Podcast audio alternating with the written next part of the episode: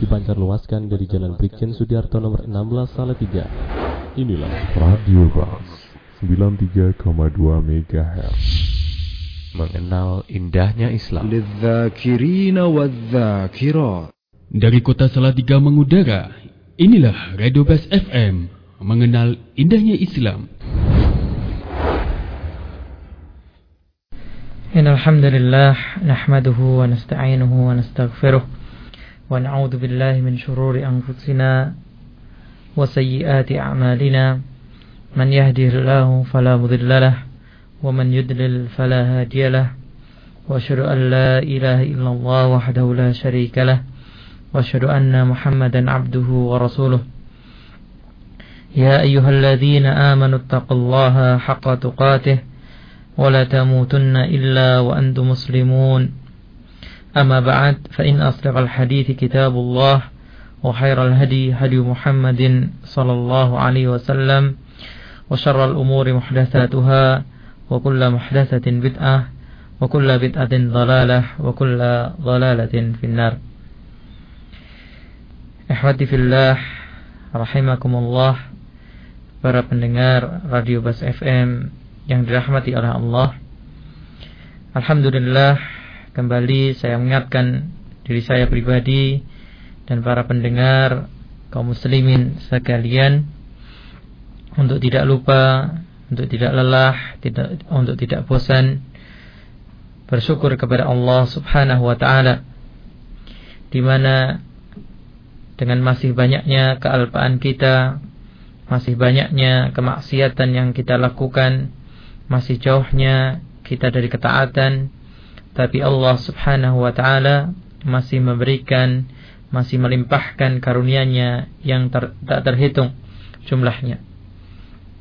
Para pendengar yang dirahmati oleh Allah, di antara nikmat tersebut adalah kesempatan kita untuk selalu mengingat Allah melalui ayat-ayatnya baik ayat itu yang berupa ayat kauliyah yang Allah sebutkan dalam Al-Quran maupun ayat-ayat kauniyah yang ada di sekitar kita maka ini adalah nikmat yang terbesar bagi seorang manusia yang hidup diberikan akal yang membedakan antara dirinya dengan hewan di mana hewan hidup makan minum tidur berketurunan. Manusia juga demikian. Hidup, makan, minum dan berketurunan. Maka apakah yang membedakan kedua makhluk ini selain akal yang digunakan selalu untuk mengingat Allah Subhanahu wa taala. Maka seharusnya seorang muslim tidak pernah lelah, tidak pernah bosan untuk selalu, bersyukur kepada Allah Subhanahu wa taala. Kaum muslimin yang dirahmati oleh Allah, pada malam hari ini kita akan membahas sebuah pembahasan uh, yang saya rasa akan pendek pembahasan ini sehingga pembahasan ini saya kedepankan sebelum saya membayar hutang saya pada kesempatan pekan yang lalu. Kita berjanji akan uh, mengkhususkan pertemuan malam hari ini untuk menjawab pertanyaan ada sekitar 30 pertanyaan dari pekan kemarin yang belum terjawab. Dan saya rasa banyak hal-hal yang cukup penting dan memang dialami oleh para penanya secara langsung yang perlu uh, dijawab satu persatu tapi insya Allah uh, cukup waktunya uh, untuk membahas uh, materi malam hari ini dulu kemudian nanti kita sambung dengan membayar pertanyaan pertama pertanyaan yang sudah dilayangkan oleh para pendengar yang dirahmati oleh Allah. Pembahasan kita malam ini berkaitan dengan Al-Kabir atau Thaminah. Dosa besar ke-8 yang disebutkan oleh Al-Imam Az-Zahabi rahimahullah taala di dalam kitabnya Al-Kabair. Apakah dosa tersebut yaitu aklu malil yatimi zulman memakan harta anak yatim secara serakah, secara zalim, secara berlebihan. Di dalam kitab-kitab para ulama ataupun nabi juga menjelaskan kemudian para ulama mencarah hadis-hadis Rasulullah maupun ayat-ayat yang disampaikan oleh Allah Subhanahu wa taala tentang definisi al-yatim. Nah, maka para ulama di antara kesimpulannya menyebutkan al-yatim siapakah yang berhak mendapatkan gelar atau siapakah yang dimaksudkan dengan yatim di dalam ayat maupun hadis al-yatim huwa man mata anhu abuhu wa huwa saghir dunal bulugh. Yatim adalah seorang anak yang ditinggal mati oleh bapaknya. Dan dia masih dalam keadaan masih dalam kondisi masih kecil yaitu belum sampai balik di mana baliknya itu biasanya pada seputar atau maksimal umur 15 tahun itu seorang anak sudah memasuki masa balik atau remaja. Maka ini adalah definisi para ulama. Di mana kalau kita tahu anak-anak, nah, berarti dia masih dalam masa-masa kanak-kanak sebelum memasuki masa remajanya. Sehingga ketika anak-anak ini ter, eh, ter, ditinggal mati oleh bapaknya di mana kebanyakan keluarga bapak adalah sebagai tulang punggung sebagai tiang utama dari sebuah keluarga. Maka tentunya kematian sang bapak eh, bagi anak-anak ini adalah sebuah keguncangan. Oleh karenanya kita dapati banyak ayat yang menyandingkan anak-anak yatim yang menyebutkan anak-anak yatim itu dalam kondisi yang entah itu sama dengan orang-orang miskin atau misalnya dalam surat Al-Balad mereka disamakan dalam kondisi yang berat. Au it'amun fi yaumin masghabah yatiman za maqrabah.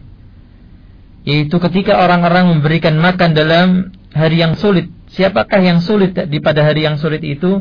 Yang pertama adalah yatim yang mempunyai hubungan kekerabatan kemudian Rasulullah SAW sendiri adalah seseorang yang mengalami masa ini yang Allah menegaskan dalam surat Ad-Duha bahwasanya Allah mendapati Rasulullah SAW dalam kondisi yatim, fa'awa. Kemudian Allah lah yang menolongnya, yang melindunginya. Inilah kondisi kebanyakan dari anak yatim. Yaitu mereka di masa yang belum bisa apa-apa. Kemudian ditinggal mati oleh tulang punggung ekonomi keluarganya. Maka kebanyakan anak-anak ini akan mengalami kegunjangan mengalami kesulitan. Maka apabila di masa-masa ini ada orang yang mau menolong, ada orang yang mau merangkul mereka, maka Rasulullah SAW telah menjanjikan pahala yang besar. Rasulullah dalam sebuah hadisnya menyatakan ana wa kafilul yatim kahataini. Aku dan orang yang mau mengkafil, yang menolong, melindungi, merangkul, membina anak yatim seperti ini, yaitu beliau menunjukkan dua jarinya. Saking dekatnya nanti kedudukan mereka yang mengorbankan waktunya, mengorbankan tenaganya, hartanya untuk membina, untuk membantu, untuk menolong anak-anak yatim. Nah tentunya ini adalah kondisi umum. Dan ada kondisi yang lain. Sebagian anak-anak yatim ketika ditinggal mati oleh orang tuanya, ternyata orang tua ini memiliki cukup harta. Bahkan mungkin bisa dikatakan banyak harta. Tetapi karena usia yang belum matang, usia yang belum tahu apa-apa, Maka meninggalnya orang tua dalam usia ini tetap meninggalkan bekas yang tidak mudah. Meninggalkan sebuah permasalahan yang tidak mudah pula. Maka dibutuhkan orang-orang yang penuh amanah. Orang-orang yang penuh tanggung jawab. Orang-orang yang berhati mulia. Orang-orang yang punya niat suci. Menolong mereka. Menuntun dan menjaga apa yang ditinggalkan oleh orang tuanya. Tetapi kadang dalam masa ini yang awalnya sebagian orang punya niat baik, punya keinginan baik, tetapi ketika syaitan datang, ketika keimanan melemah, dan gemerlapnya harta yang ditinggalkan, kemudian di sisi lain anak yang belum tahu apa-apa. Menjadikan sebuah godaan yang sangat menggiurkan bagi mereka-mereka yang memegang amanah ini. Maka terjadilah apa yang terjadi dengan apa yang dinamakan memakan harta anak yatim. Maka ini adalah sebuah dosa besar yang yang mana kita sudah tahu di awal pembahasan kita tentang dosa besar di antara definisi dosa besar adalah dosa yang mendapatkan ancaman entah itu di dunia maupun di akhirat. Maka Imam Zahabi rahimahullah taala ingin mengingatkan kita semua akan bahaya melanggar amanah ini. Beliau membawakan beberapa ayat dan hadis. Yang pertama di dalam surat An-Nisa ayat yang ke-10. Allah Subhanahu wa taala berfirman, "A'udzu billahi minasyaitonir rajim." innal ladzina ya'kuluna amwalal yatama zulman Sesungguhnya orang-orang yang memakan harta anak-anak yatim dan dia memakannya dengan cara yang zalim innama ya'kuluna fi butunihim nara. Maka pada hakikatnya dia sedang menabung di perutnya itu api neraka wal billah wa sayaslawna sa'ira dan mereka akan kembali nanti ke tempat yang sangat menyedihkan yaitu neraka wal billah. Maka kalau kita perhatikan ayat ini Allah mengatakan innal ladzina ya'kuluna amwalal yatama zulma Sesungguhnya orang-orang yang memakan harta anak yatim dengan zalim, dengan serakah, dengan curang. Apakah berarti orang yang mengambil harta anak yatim bukan untuk dimakan, dibelikan rumah. Dia buat beli mobil. Hmm? Untuk biaya anaknya sekolah. Semuanya dengan catatan serakah. Apakah tidak masuk dalam ancaman ayat ini? Maka jawabnya adalah tidak. Allah subhanahu wa ta'ala menggunakan kata ya'kulun sebagaimana dalam pembahasan kita sebelumnya juga dalam masalah riba. Banyak digunakan kata memakan. Alladzina ya'kuluna riba. Maka itulah fungsi utama dari harta biasanya digunakan untuk memenuhi kebutuhan pokok yaitu makan. Walaupun ini bukan artinya pembatasan. Yang lain tidak dosa, tidak. Bahkan kita bisa mengartikan kalau kebutuhan pokok manusia, kebutuhan primer, kebutuhan mendasar yaitu makan. Kalau itu diambil dari harta yang haram, maka mendapatkan ancaman. Maka min babil aula, maka lebih-lebih kebutuhan yang sekunder, kebutuhan yang tersier, kebutuhan yang tidak terlalu penting, kebutuhan yang hanya sebagai pelengkap, itu diambil dari harta yang haram, maka tentunya ancamannya yang lebih berat waliyadzubillah. Maka saudaraku wahai kaum muslimin yang dirahmati oleh Allah. Maka ini nasihat bagi kita semua untuk selalu menyaring, untuk selalu menghitung, untuk selalu memilih dan memilah. Apa yang akan kita makan, apa yang akan kita berikan? Untuk diri kita pribadi. Saya dan Anda, wahai kaum muslimin, yang dalam kedudukan sebagai kepala rumah tangga. Marilah kita menghitung. Marilah kita menyaring apa yang kita berikan kepada diri kita pribadi dan apa yang kita berikan kepada istri dan anak kita. Supaya apa? Tidak terjadi apa yang diancamkan oleh Allah. Innama ya'kuluna fi butunihim nara. Maka hakikatnya, maka sesungguhnya bukan nasi yang masuk. Bukan daging yang masuk. Bukan gizi yang masuk tetapi api neraka yang disimpan di dalam daging tersebut. Wal billah. Maka kita bisa melihat apa yang terjadi pada masyarakat kita.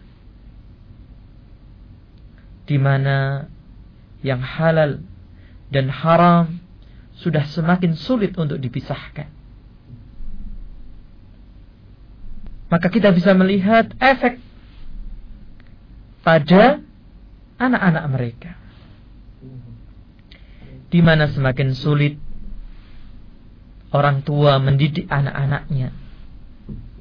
Di mana semakin banyak anak-anak berbuat durhaka kepada kedua orang tuanya.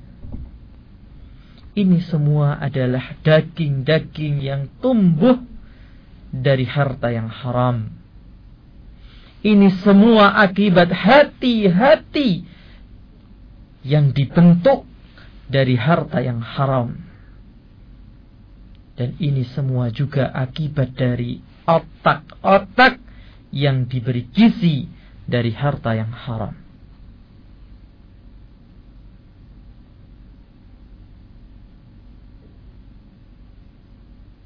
Maka ini menjadi introspeksi bagi kita semua Walaupun tidak semua dari kita mungkin memegang amanah berkaitan dengan harta anak yatim tadi. Tapi ada benang merah. Ada tanda yang jelas yang ingin disampaikan di sini. Yaitu bahaya harta yang haram.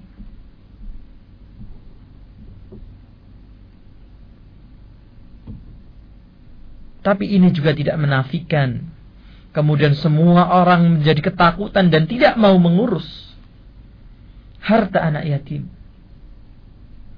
Karena dalam ayat berikutnya Imam Zahabi rahimahullah taala meletakkan sebuah timbangan untuk kita semua antara janji kedekatan seorang yang menolong anak-anak yatim dan ancaman yang keras bagi yang menolong dan memanfaatkan pertolongannya ini. Allah berfirman dalam surat Al-An'am ayat 152. Wala taqrabu malal yatimi illa billati ahsan. Dan janganlah sekali-kali kalian mendekati harta anak yatim kecuali dengan cara yang lebih baik.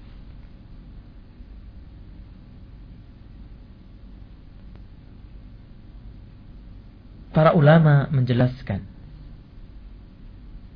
ketika Allah Subhanahu wa taala menggunakan kata wala taqrabu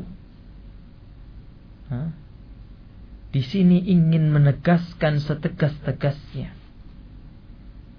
bagi orang yang tahu dirinya bukan orang yang tahu dirinya bahwa dirinya bukanlah tipe orang yang amanah bahwa dirinya adalah tipe yang mudah tergiur dengan gemerlap harta.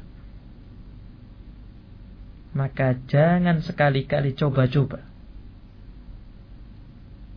Sebagaimana dalam ayat sebelumnya. Allah menyampaikan pesan.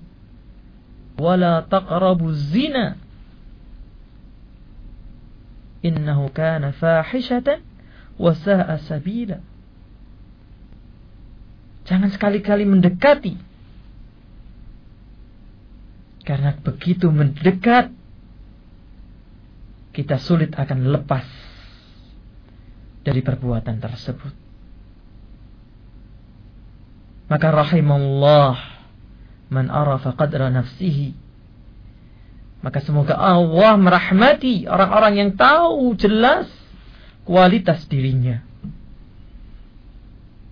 sehingga tidak akan bermain-main dengan tempat-tempat yang samar, tempat-tempat yang penuh jebakan.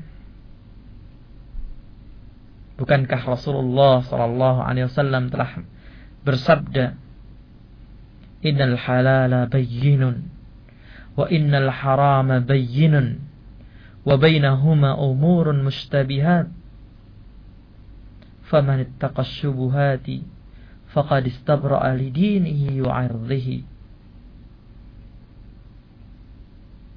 kaum muslimin yang dirahmati oleh Allah yang halal sudah jelas dan yang haram sudah jelas maka kalau diri kita adalah orang yang lemah orang yang mudah tertipu mudah tersipu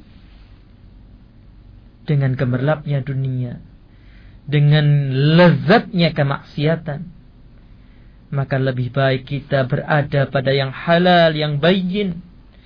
Kita menjauhi haram yang bayin dan tidak bermain di grey area tidak berada di tempat yang abu-abu dan samar. Supaya apa? Faqad istabra'a lidinihi wa irdihi. Supaya kita terjaga kehormatan kita. Supaya kita terbebas dari tanggung jawab di hadapan Allah kelak.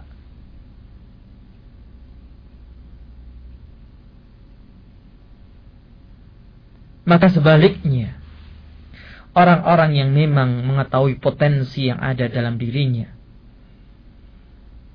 amanah yang baik, bahkan mungkin dia sudah tidak butuh dengan harta karena dia sudah punya yang lebih. Maka Allah membolehkan mendatangi mendekati harta anak yatim tadi dengan cara yang baik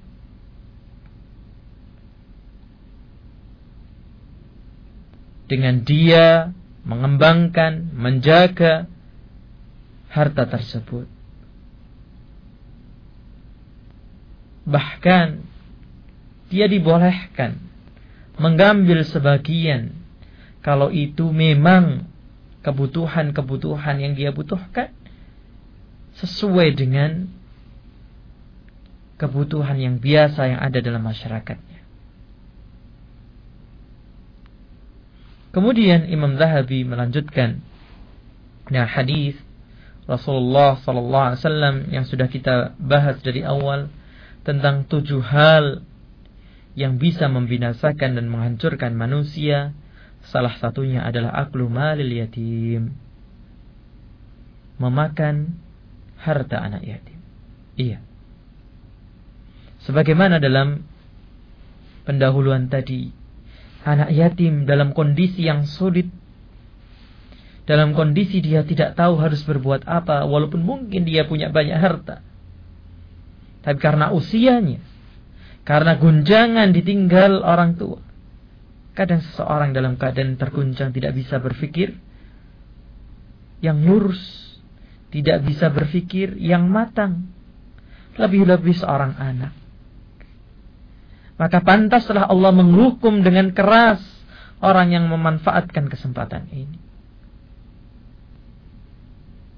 Maka ini juga menjadi introspeksi bagi siapa saja yang memanfaatkan kesempitan-kesempitan untuk mengambil kesempatan. Bukan hal yang asing di negeri kita ini ada sebagian orang mengambil kesempatan-kesempatan dalam musibah-musibah saudaranya. Kejadian tsunami tahun 2004, kemudian kejadian musibah yang terus beruntun di negeri ini, ternyata masih ada orang-orang yang tega memanfaatkan kesengsaraan saudaranya itu dengan mengambil bantuan-bantuan, mengambil hak-hak mereka. Maka ini peringatan bagi siapa saja. Dan kalau kita menganalogikan harta anak yatim ini seperti itu. Seseorang yang mengambil kesempatan dalam kesempitan si anak ini. Maka kita bisa menganalogikan, mengkiaskan kepada setiap orang yang mencuri kesempatan tadi dalam kesempitan orang lain, maka dia akan mendapatkan ancaman-ancaman yang keras, siksaan-siksaan yang keras dari Allah Subhanahu wa taala.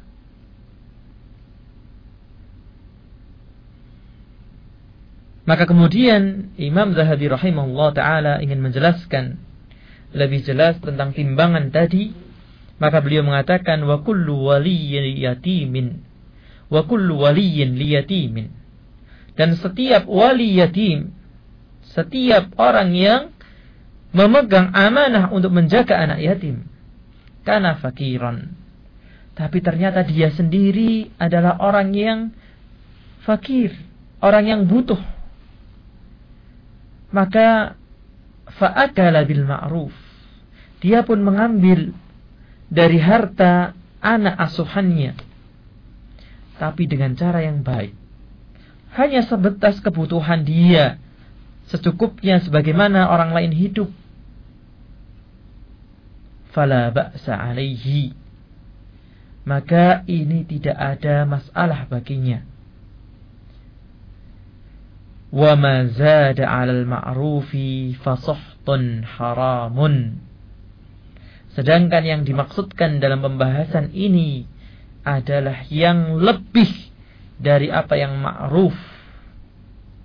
Dan ma'ruf adalah wal ma'rufu yurja'u fihi ila urfin nasi bin nasi al-khalina min al-aghradil khabithah. Dan yang dikatakan ma'ruf, kebiasaan adalah kebiasaan semua manusia yang ada di lingkungannya tapi mereka-mereka yang lepas dari sikap keserakahan.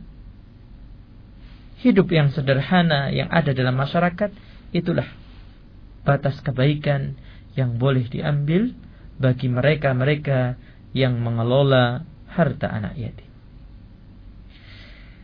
Maka tentunya kebanyakan kita tidak memegang amanah ini. Tapi ada sebuah benang merah yang bisa kita ambil. Yaitu bahayanya mengambil kesempatan dalam kesempitan orang lain. Nah ini yang bisa kita sampaikan pada kesempatan malam hari ini. Kemudian insya Allah setelah jeda nanti kita akan menjawab satu persatu dari pertanyaan yang telah masuk pada pekan yang lain. Wallahu taala a'lam.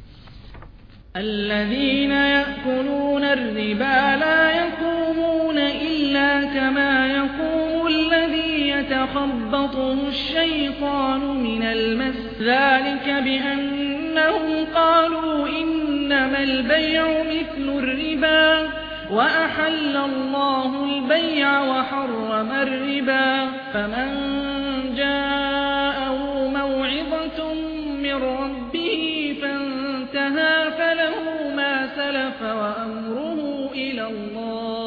ومن عاد فأولئك أصحاب النار هم فيها خالدون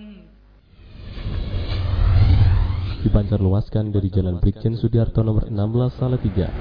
Inilah Radio Bas 93,2 MHz mengenal indahnya Islam. للذاكرين والذاكرات Dari kota Salatiga mengudara, inilah Radio Bas FM, mengenal indahnya Islam. Para pendengar setia radio Bas FM Salatiga yang dirahmati Allah Subhanahu wa taala di mana pun Anda berada.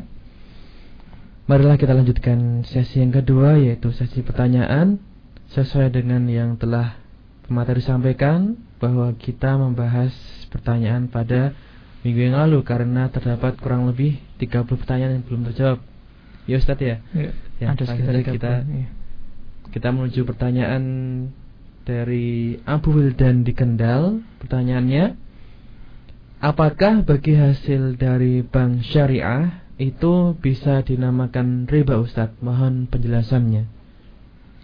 Bismillah, Alhamdulillah, wassalatu wassalamu ala rasulillah, ba'd Eh, Sebelum saya menjawab pertanyaan yang pertama maupun nanti pertanyaan-pertanyaan yang lain Ini perlu menjadi eh, patokan kita bersama Menjadi perhatian kita bersama Karena ini nanti kalau eh, kaidah ini atau patokan ini kita pegang itu insya Allah akan banyak menjawab permasalahan-permasalahan yang kita hadapi hampir setiap hari. Di mana ada sebuah mindset yang keliru, ada sebuah cara berpikir yang keliru tentang masalah hutang piutang. Jadi kalau sebatas ilmu yang saya fahami dari nas-nas yang ada hutang piutang atau menghutangi itu kalau kita perhatikan nas-nas yang ada maka itu adalah sebuah harta sisa sebuah harta yang nganggur yang dimiliki oleh seseorang yang kemudian dia dengan mengharapkan pahala di sisi Allah Subhanahu wa taala dia berikan dia pinjamkan hartanya itu untuk menolong saudaranya sehingga tidak ada motivasi si- tidak ada keinginan kecuali mengharap pahala dari Allah Subhanahu wa taala. Kenapa? Karena nanti begitu seseorang itu mempunyai motivasi untuk mengambil manfaat dari pinjamannya, maka di situlah hakikat terjadinya riba. Maka salah satu kaidah yang kita sebutkan dalam pertemuan kita pekan kemarin adalah kullu qardin jara fihi naf'un fahuwa riba.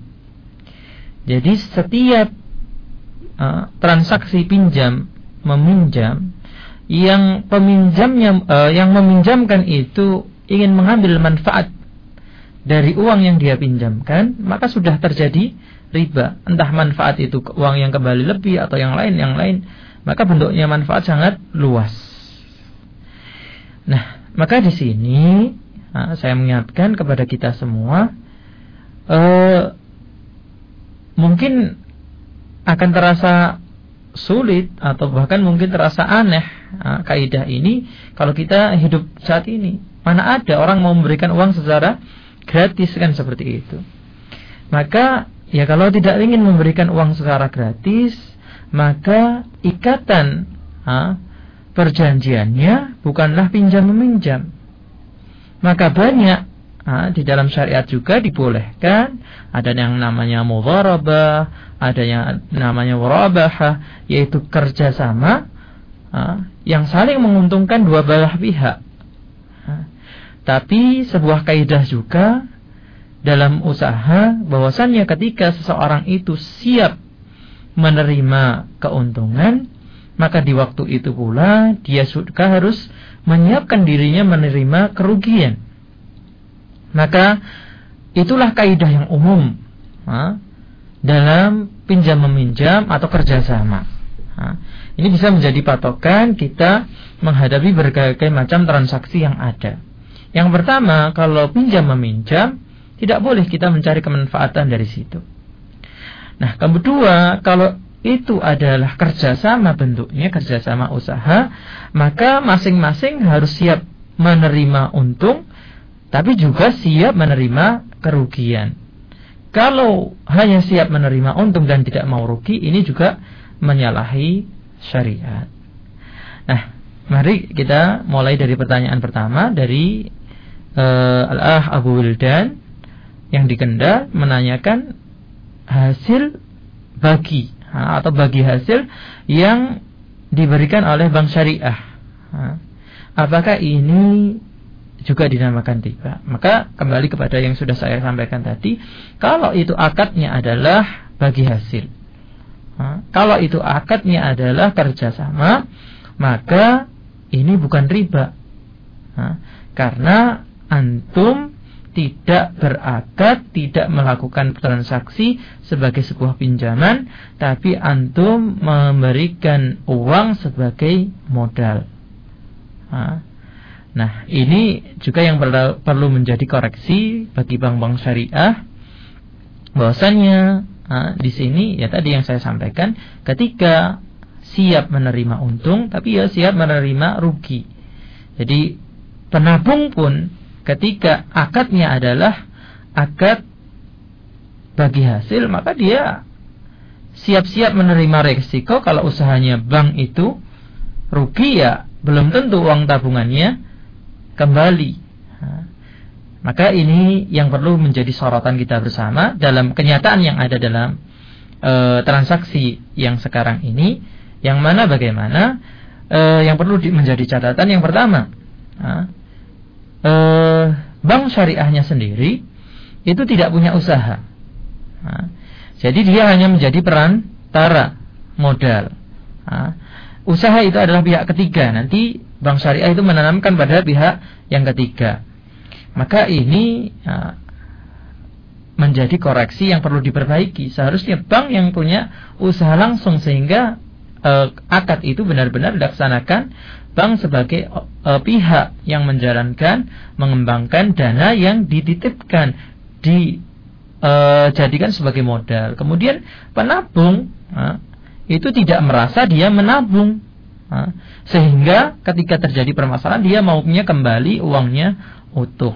Nah, yang ini yang perlu masih dikoreksi di dalam akad-akad yang terjadi di dalam bank-bank yang menamakan diri mereka bank syariah maka kembali saya eh, apa menyampaikan apa yang sudah saya sampaikan di pertemuan kita yang lalu dengan bersemangatnya sebagian perusahaan membuka bank syariah maka ini perlu kita sambut maka kita perlu dukung karena tentunya kemauan mereka untuk e, mengadakan transaksi yang berbasis syariah ini perlu kita dukung kita syukuri tetapi dari di sisi yang lain pihak bank pun juga siap menerima koreksi-koreksi seperti ini sehingga ha, tidak terlihat kalau mereka membuka bank syariah itu bukan ha, karena mengikuti tren pasar tapi memang punya niatan yang baik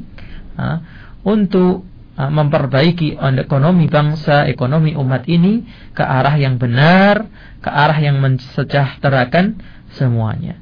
Jadi kalau semuanya beretikat baik, insya Allah ketemunya baik. Nah, tapi kalau ternyata niatannya membuka bank syariah hanya uh, membungkus uh, sebuah hakikat yang tidak baik, maka ya kita takutkan akibatnya ke depannya juga akan tidak baik. Wallahu a'lam. Nah. Ya, sebenarnya Ustaz penjelasannya bagus sekali Ustaz. Dan perlu mungkin perlu dijelaskan terlebih dahulu Ustaz berkenaan dengan riba hmm. karena ada ustadz yang bilang bahwa segala pinjaman yang berkembang adalah riba. Mungkin bisa dijelaskan Ustaz. Nah. Jadi eh, seperti saya sampaikan tadi, kalau pinjaman eh, tidak diambil kemanfaatan dalam pinjaman tersebut, bukan dikatakan riba.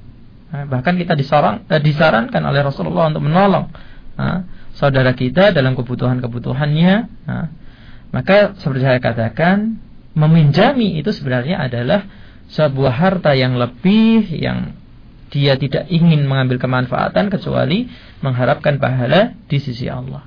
Tapi yang mungkin dimaksudkan adalah tadi setiap pinjaman kulu qardhin, setiap pinjaman jarafihin nafa. Yang dia mencari kemanfaatan dalam pinjamannya dia. Maka itulah sudah dikatakan riba. Gitu. Maka kalau orang masih merasa perlu menambah hartanya, dia punya keinginan-keinginan lain, maka jangan meminjami. Bekerja samalah.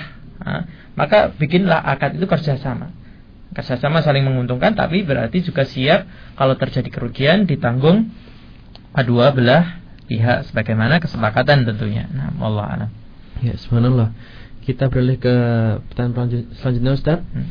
Dari Latifah di Gerabak Magelang, Ustaz, bagaimanakah hukumnya bekerja di perusahaan pembiayaan kendaraan yang biasanya transaksinya secara kredit dengan sistem bunga, Ustaz. Nah, pertanyaan kedua dari Al-Okh uh, Latifah di Kerabat yang menanyakan hukum bekerja di lembaga pembiayaan. Jadi ya sebagaimana ditanyakan transaksinya biasanya.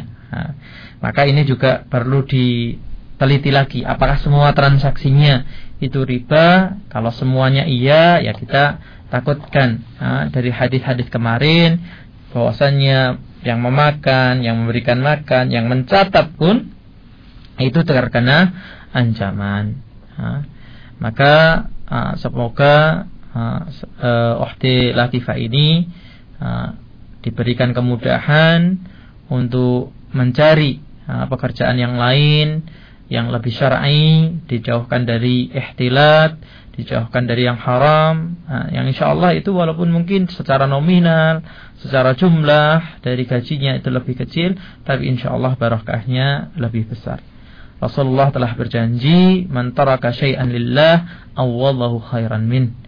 Nah, kalau kita barang siapa yang meninggalkan sesuatu itu karena Allah, maka Allah akan mengganti yang lebih baik dari yang dia tinggalkan. Jadi memang uh, kalau dan ini nanti mungkin akan menjawab pertanyaan yang lain. Saya jelaskan sekalian di sini tentang kredit.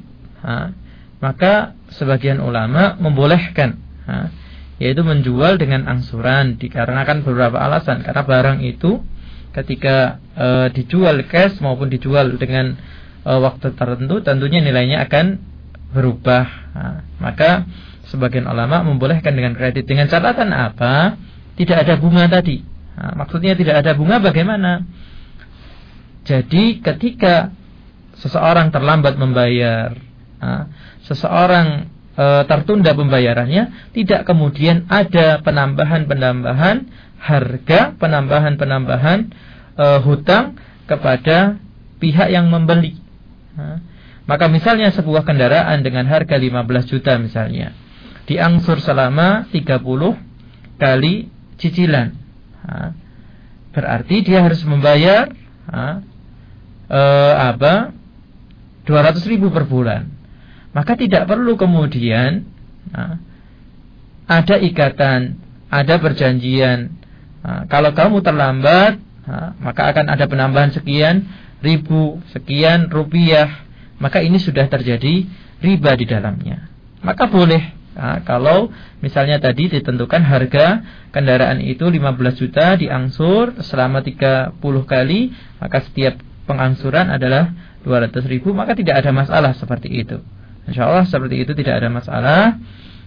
Nah kemudian ya kembali tadi saya mengingatkan kepada sebuah pihak beriktikat baik. Nah, yang berhutang, yang membeli punya etikat baik nah, untuk membayar nah, sehingga tidak tertunda, tidak terlambat semoga Allah membantu dia membayar hutangnya sebagaimana apa dalam beberapa hadis disebutkan bahwasanya ketika seseorang berhutang dan berniat membayarnya Allah yang akan membantu dia membayar hutangnya. Tapi kalau dari awal dia sudah punya niatan buruk, maka ini juga akan berakibat yang buruk. Maka ketika semua pihak itu berniat yang baik, yang menjual atau ingin menolong saudaranya supaya punya kendaraan, tapi kalau membayar cash maka akan menjadi sulit, biayanya terlalu besar sehingga dia membuka kesempatan untuk adanya angsuran. Maka si pembeli pun demikian. Dengan diberi kemudahan oleh saudaranya maka pun dia beretikat baik. Maka yang seperti ini kredit yang seperti ini insya Allah nggak ada masalah. Bahkan semoga ini masuk dalam ta'awun alal birri wa taqwa dalam kebaikan insya Allah wallahu alam. Nah. Ya kita beralih ke pertanyaan selanjutnya yang terlepas dari yang sudah dijawab Ustaz. Hmm. dari Umur Rais di Candirejo pertanyaannya Ustaz apakah SHU atau sisa hasil usaha koperasi itu termasuk ke dalam kategori riba Ustaz atau sebaliknya. Nah, e, untuk umur Rais di Candi Rejo, jadi ini perlu detail juga. Apa yang dimaksudkan SHU dari koperasi ini? Nah, kalau benar-benar koperasi itu seperti namanya SHU, sisa hasil usaha, yaitu menjalankan sebuah usaha yang halal kemudian di akhir tahun dihitung. Berapakah laba yang dia dapatkan? Kemudian dibagikan kepada anggota koperasi itu yang menanamkan modal. Jadi anggota kan idealnya kan seperti itu. Para anggota menanamkan modal di mana modal kemudian dikelola oleh koperasi kemudian koperasi menghitung di akhir di akhir eh, sesuai dengan perjanjian mungkin tiga bulanan mungkin setahun sekali Nah, kemudian dibagi berapa bagian kooperasi yang menjalankan, kemudian berapa bagian anggota yang menanamkan modal. Ya, kalau seperti ini, insya Allah tidak ada masalah. Nah, tapi kalau kooperasinya menjalankan usahanya yang haram, ya kita nggak boleh. Nah, ta'awun dalam apa? Wala ta'awanu 'alal ismi wal udwan. Enggak boleh. Ya, kita tolong menolong dalam dosa dan permusuhan itu dilarang oleh Allah Subhanahu wa taala. Jadi ini silahkan nanti uh, dicek uh, tentang koperasinya ini seperti apa usahanya maka kalau usahanya halal maka harta yang dihasilkan halal dan tidak ada masalah uh, halal pula tapi kalau usahanya tadi simpan pinjam yang ada ribanya ya maka sisanya pun menjadi uh, riba nah Allah alam semakin tambah menarik Ustaz hmm. waktu kita kurang lebih masih 20 menit lagi ya. semoga cukup waktunya insyaallah. Beralih ke pertanyaan dari Asrofi di Praguman. Praguman itu dari mana Ustaz? Allah alam. Ya, Allah alam. Ini pindah ke kategori kalau bank, kemudian KSP, Koperasi Simpan Pinjam dan BPR, Badan Perkreditan Rakyat, apakah di situ juga terdapat uang riba karena memakai sistem bunga. Mungkin begitu maksudnya Ustaz. Ya.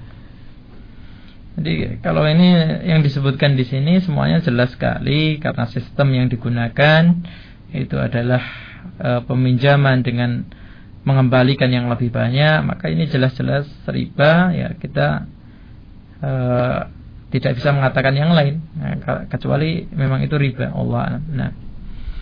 Iya. Kita beralih ke pertanyaan selanjutnya Ini agak curhat Ustadz ya. Dari siapa ini Tidak ada identitasnya nah. Pertanyaannya bagaimanakah cara membuang sisa riba Ustadz Apakah diperbolehkan diberikan kepada suatu dana sosial Misalnya dana untuk memberi bantuan kepada orang yang sakit atau meninggal Karena tidak menemukan suatu pembangunan fasilitas umum dan tidak berniat untuk bersedekah ketika memberikan dana sosial tersebut Ustaz. Nah, dari hamba Allah di bumi Allah insya Allah ini. Nah, jadi uh, benar seperti ini yang seharusnya kita lakukan karena mungkin bagi sebagian kita tidak bisa lepas dari transaksi ribawiyah e, meletakkan dananya karena saking banyaknya di sebuah bank atau karena ya kebutuhan dia e, untuk bertransaksi melalui bank sehingga mau nggak mau e, di buku rekeningnya itu akhirnya ada bunga, ada bagian riba yang dia terima. Maka para ulama mengatakan dia harus melakukan apa yang dinamakan takhallus. Nah, dia harus membuang riba yang menempel pada hartanya ini. Dan takhallus bukanlah sedekah. Nah, beda lagi. Takhallus itu kita bisa cek ya, tentunya dalam e, pembukuan yang rapih itu kelihatan harta e, apa bunga itu seberapa.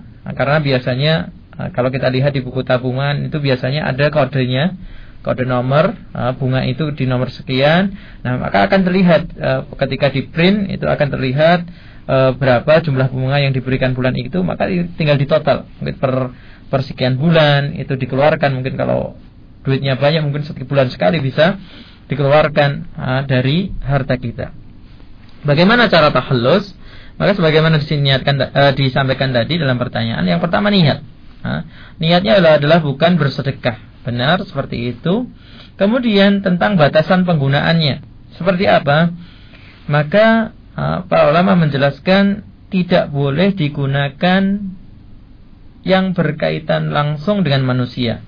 Maksudnya bagaimana? Tidak untuk makan, tidak untuk minum, tidak untuk beli pakaian, seperti itu yang langsung berkenaan dengan manusia. Kemudian juga tidak e, berkaitan langsung dengan tempat ibadah. Nah, tidak digunakan untuk membangun masjid, tidak digunakan untuk membeli e, apa-apa yang ada di dalam masjid karpet dan seterusnya. Maka bagaimana kita melakukannya? Ya bisa misalnya digunakan untuk membantu mengeraskan jalan, mengaspal jalan, bisa digunakan untuk membangun WC umum. Ini dibolehkan. Maka itu batasan-batasan yang bisa kita sampaikan tentang tahallus ha, membebaskan harta kita dari harta riba Allah alam. Nah. Alhamdulillah kita beralih ke pertanyaan dari saudara kita di Salatiga Ustaz, nah. saudara Ahmad. Ini pindah ke pertanyaan bagaimanakah menurut hukum Islam praktek leasing sepeda motor dan elektronik. Nah, leasing Ustaz ya? Ya, leasing. Jadi saya kira tadi saya sudah uh, jelaskan cukup jelas menurut saya. Nah, jadi uh, tentang kredit dibolehkan uh, selama aturannya seperti itu. Dengan uh, harga yang jelas, dengan angsuran yang jelas, dengan waktu yang jelas. Nah, karena Islam itu menjaga mengantisipasi supaya tidak terjadi apa? Terjadi kericuan, tidak terjadi keributan sebagaimana kita lihat uh, sekarang ini uh, ribut kadang kantor leasingnya yang diserbu kadang rumahnya yang meminjam yang diserbu. Nah ini semua karena ketidakjelasan tadi. Maka kalau masing-masing pihak itu berniat baik maka akan memberikan kejelasan. Pihak yang memberikan pinjaman insya Allah memberikan kejelasan tentang akad atau perjanjian yang diberikan, kemudian yang meminjam juga atau yang membeli di sini juga harus jelas kemampuannya dan seterusnya. Nah, itu akan mendatangkan keba kebaikan. Tapi kalau prakteknya seperti kebanyakan yang dijalankan seperti sekarang, maka uh, itu masih uh, terancam ancaman-ancaman tentang riba Allah alam. Ya, subhanallah Ustaz. Kita lanjutkan pertanyaan dari tanpa identitas lagi Ustaz ini yeah. berkenaan dengan pertanyaan kumpulan atau arisan Ustaz mungkin bisa dijelaskan karena ini tidak ada pertanyaannya. Ya, yeah. uh, saya kira begini. Uh, jadi ingin menanyakan tentang kalau dalam sebuah RT, uh, kemudian masing-masing anggota R, uh, di RT tersebut menyetorkan rata-rata 50 ribu ya sehingga mungkin karena jumlah e, di dalam RT itu banyak sehingga terkumpul uang sampai jutaan rupiah gitu ya. Nah, uang jutaan yang terkumpul di sini kemudian anggota dibolehkan pinjam nah, 100 sampai 200 ribu dengan apa? Dengan perjanjian atau dengan ikatan nanti kalau mengembalikan harus ada kelebihannya. Nah, dinamakan sebagai uang terima kasih. Nah ini kembali kepada kaidah yang sudah kita sampaikan tadi, meminjami itu tidak untuk mencari manfaat. Jadi kalau uh, di RT tersebut pengen uang yang dikumpulkan tadi itu berkembang, ya sudah digunakan untuk usaha. Tapi kalau ingin itu dipinjamkan kepada anggotanya, berarti niatnya kan niat sosial. Nah, jadi tidak perlu memberikan beban, tidak perlu mengikat, uh, mengikat uh, anggotanya yang mau minjam nanti harus mengembalikan lebih Nah, walaupun mungkin jumlahnya tidak diikat, nah, tapi e, ikatan mengembalikan dengan lebih ini sudah menjadikan transaksi itu sebagai transaksi riba. Wallahu a'lam. Ya, semakin menarik Ustaz, waktu kita masih kurang lebih 15 menit. Semoga efektif Ustaz. Nah, lanjutkan dari pertanyaan Ummu Muti di Magelang Ustaz. Pertanyaannya, apakah termasuk riba kalau kita meminjamkan uang tapi dengan kerelaan si peminjam kita disuruh ambil manfaat dari barang dia Ustaz. Nah. Jadi Allah alam. Jadi kalau di sini uh, atas kerelaan, jadi tidak ada ikatan, tidak ada perjanjian, maka uh, ini termasuk ihsan, kebaikan dari ini uh, si peminjam. Bahkan uh, ketika nanti si peminjam pun mengembalikan lebih ha, tapi dari awal tidak pernah sedikit pun yang memberikan pinjaman itu menyinggung ha, memberikan isyarat memberikan lebih-lebih ikatan maka ini dibolehkan wallah alam ya alhamdulillah boleh Ustaz boleh ya, ya. kalau tidak ada ha, dari awal itu nggak ada apa ikatan bahkan mungkin isyarat ataupun sentilan aja nggak nggak boleh gitu ya nah jadi iya. ini berangkat dari kebaikan hati si peminjam. Nah, Allah Allah alam. Beralih ke pertanyaan selanjutnya Ustaz, ini dari Ica di Ungaran. Hmm. Ini agak curhat juga berkaitan dengan hutang ya. Iya. Ustaz uh, mau tanya, seorang teman saya meminjam uang jutaan rupiah dan dia berjanji mau mengembalikan uang tersebut lima bulan yang lalu. Hmm. Tapi sampai sekarang belum juga dikembalikan. Sudah berkali-kali saya tagih tapi yang ada cuma janji-janji padahal dia sudah punya uangnya. Apakah teman saya termasuk pemakan riba Ustaz? Terus bagaimana sikap yang baik bagi saya secara Islam? Nah, ini kelihatannya Allah Ahrona punya uh, permasalahan yang sama atau enggak ini? Kelihatannya kok menghayati sekali. Ya, insya Allah nah. kalau saya berusaha untuk melunasi hutang saya, Ustaz. Gitu. Enggak, mungkin juga meminjamkan kepada orang lain gitu ya. Uh, jadi memang ini saya kembali tadi semua itu harusnya beretikat yang baik. Ketika memberikan pinjaman maupun yang meminjam.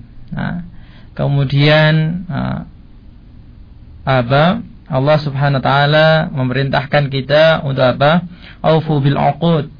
Untuk selalu menepati janji-janji kita. Nah, Rasulullah juga mengatakan al-muslimu ala syurutihi.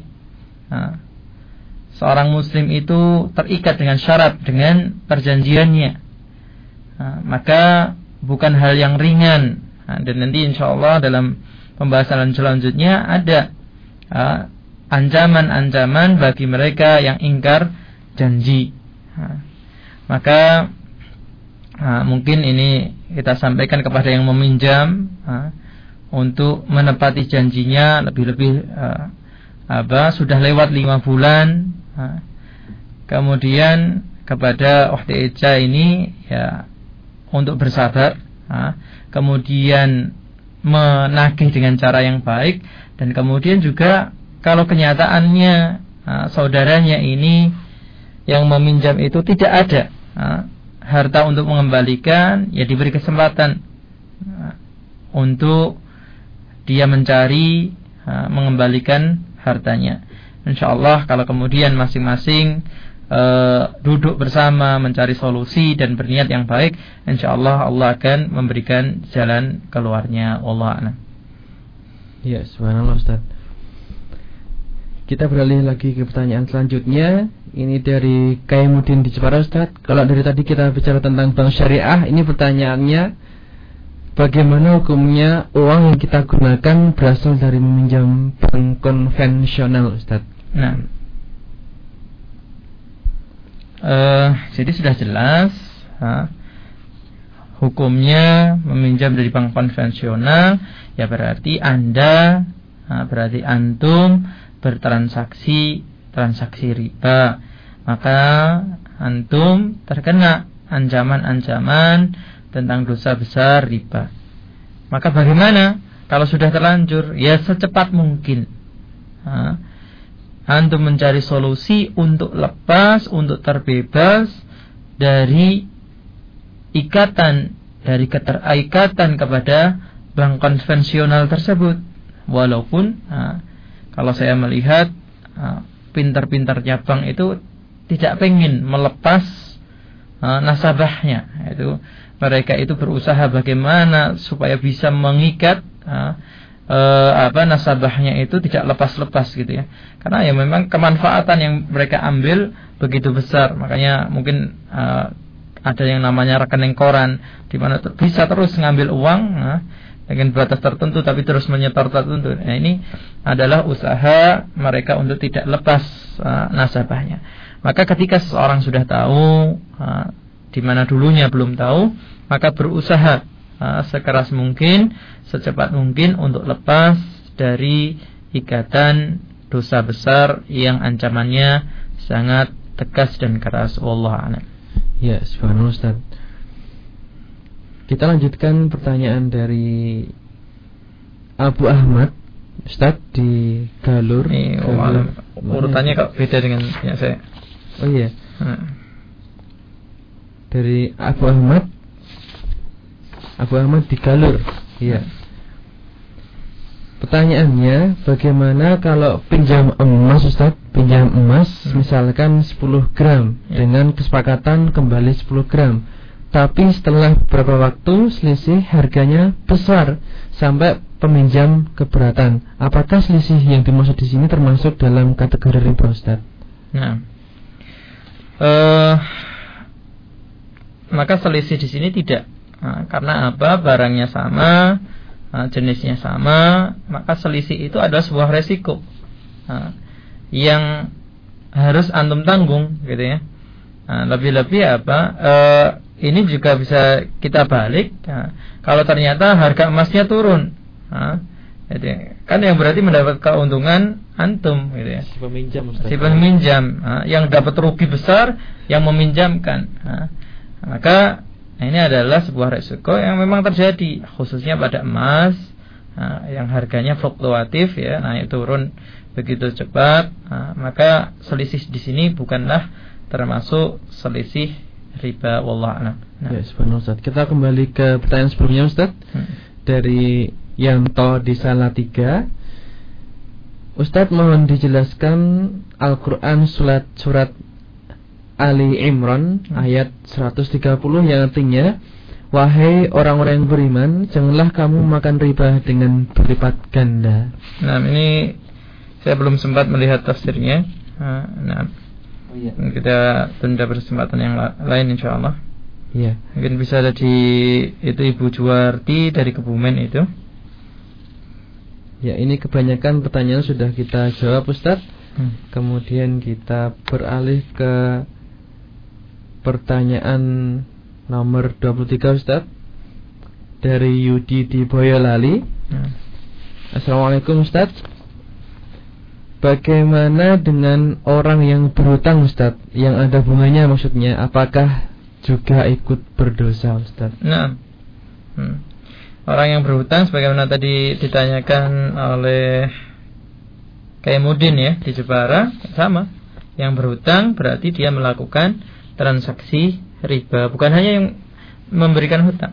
Nah, karena kedua-duanya bersepakat melakukan itu, maka kedua-duanya mendapatkan ancaman nah, dari memakan harta riba Allah alam. Ya, kita kembali ke pertanyaan nomor 18 As Alfan kita terbalik-balik nomornya Ustaz ya. Nah. Kita kembali ke nomor 18. Assalamualaikum Ustaz. Dari Windy Magelang Bagaimanakah dengan kegiatannya di bank yang bukan syariah? Apakah termasuk riba? Bagaimana juga hukum orang-orang yang bekerja di tempat itu serta gajinya Ustaz? Mohon penjelasannya dari Windy Magelang. Baik Allah alam Eh, jadi sebagaimana tadi kita sebutkan tentang kegiatan listing, tentang bekerja, ini semua sama. Maka yang kalau dimaksudkan kegiatan itu adalah transaksinya, iya semua. Bahkan kemudian para ulama e, menyebutkan semua yang membantu di situ e, minimal e, dia apa terkena ancaman wa ta'awanu e, wa la ta'awanu 'alal itsmi wal udwan. Nah, janganlah kalian e, bertolong menolong dalam dosa dan permusuhan. Nah, jadi mungkin yang hanya sebagai satpam, yang mungkin se di luar itu sebagai cleaning service dan sebagainya. Maka segera mencari berusaha apa untuk melepaskan dirinya dari ikatan jerat jaring riba ini. Karena insya Allah seperti saya sampaikan Allah akan mengganti yang lebih baik insya Allah. Allah alam. Ya kita beralih ke pertanyaan dari Ummu Fauzia Ustaz. Nomor 20 di salah tiga pertanyaannya tegas sekali Ustaz halalkah penghasilan yang diperoleh dengan bekerja di bank, BMT, BPR maupun koperasi dan kantor pajak Ustadz. Nah, uh, sudah jelas saya kira jawabannya.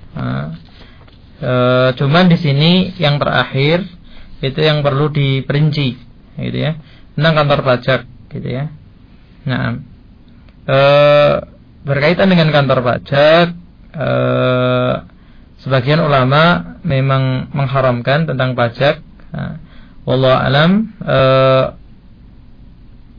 kalau saya fahami karena pertimbangannya nah, adalah e, seperti melihat pajak yang terjadi pada masa-masa yang lalu yaitu ketika para raja, para penguasa itu membebani rakyatnya dengan beban yang begitu berat.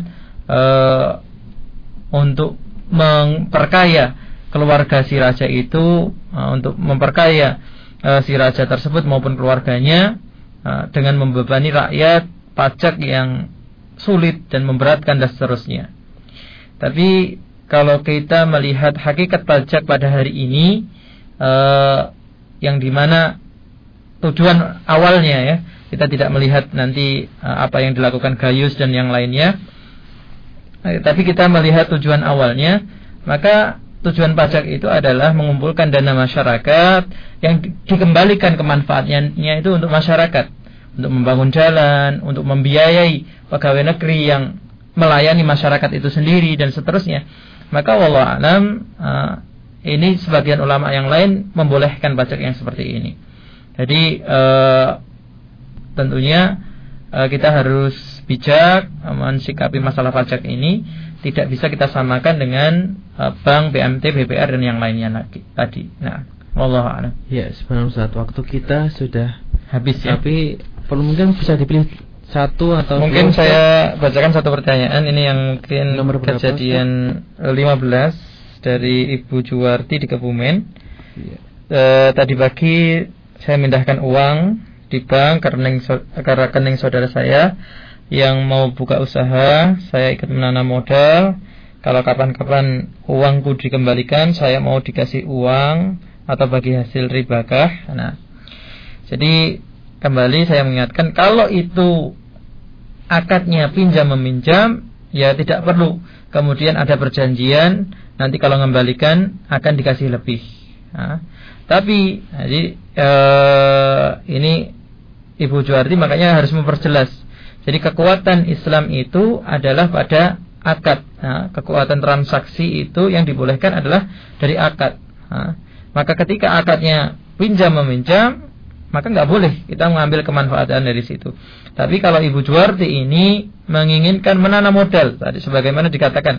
Jadi di sini dikatakan dua hal, menanam modal tapi juga meminjamkan. Nah, ini maka mana yang diperjelas?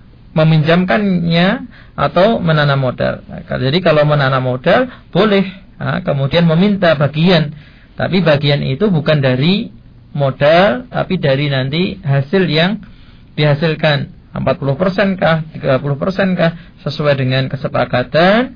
Nah, tapi ketika menanamkan modal berarti siap juga menerima resiko uangnya tidak kembali atau sebagian uangnya tidak kembali ketika usaha tersebut gagal sesuai dengan kesepakatan. Nah, misalnya kalau berhasil nanti keuntungan itu dibagi uh, sekian dan sekian persen, berarti kalau gagal nanti kerugian bagaimana? Dibagi juga atau bagaimana siapa yang menanggung? Maka itu harus diperjelas akadnya di awal. Wallahu alam bishawab. Nah, Ya, mungkin Ustadz bisa memberikan kesimpulan atau mewakili jawaban yang belum kita jawab malam ini Ustadz. Jadi e, masih banyak pertanyaan yang belum sempat kita banyak e, kita jawab. Tapi e, paling tidak saya sudah memberikan beberapa kaidah yang menjadi e, patokan bagi kita semua. Di antaranya tadi, e, yang pertama kalau niatannya pinjam meminjam itu ya tidak usah mengharapkan apa-apa selain pahala di sisi Allah Subhanahu wa taala. Tapi kalau ingin mengembangkan dana yang ada pada diri seseorang, maka masuklah ke dalam usaha. Maka akadnya adalah kerjasama usaha, bukan pinjam meminjam. Nah, seperti itu sehingga apa? Kesimpulan dari kajian kita juga sebelumnya sehingga kita terhindar dari harta-harta yang haram yang akan menumbuhkan daging-daging yang tidak baik dari tubuh kita bahkan itu adalah tabungan api neraka yang kita simpan dalam perut kita wal. Nah ini yang bisa kita sampaikan. Nah, saya juga mengharapkan mungkin kalau ada hal-hal yang saya keliru eh, bisa nanti para pendengar menyampaikan koreksinya eh, melalui radio Bas FM. Nah, saya sangat berterima kasih akan masuk akan masukannya uh, inilah yang saya bisa saya jawab dan sampaikan sebatas yang saya tahu. Wallahu taala alam. Subhanakallahumma wa bihamdika asyhadu an la ilaha illa anta astaghfiruka wa atubu ilaik. Assalamualaikum warahmatullahi wabarakatuh. Waalaikumsalam warahmatullahi wabarakatuh. Dipancar luaskan dari Jalan Brigjen Sudiarto nomor 16 Salatiga. Inilah Radio Bas 93,2 MHz mengenal indahnya Islam. Terima kasih baru saja Anda menyimak siaran kami di gelombang 93.2 FM Radio Bas mengenal indahnya Islam. Semoga menambah kemanfaatan bagi Anda dan keluarga. Dari kota Salatiga mengudara, inilah Radio Bas FM mengenal indahnya Islam.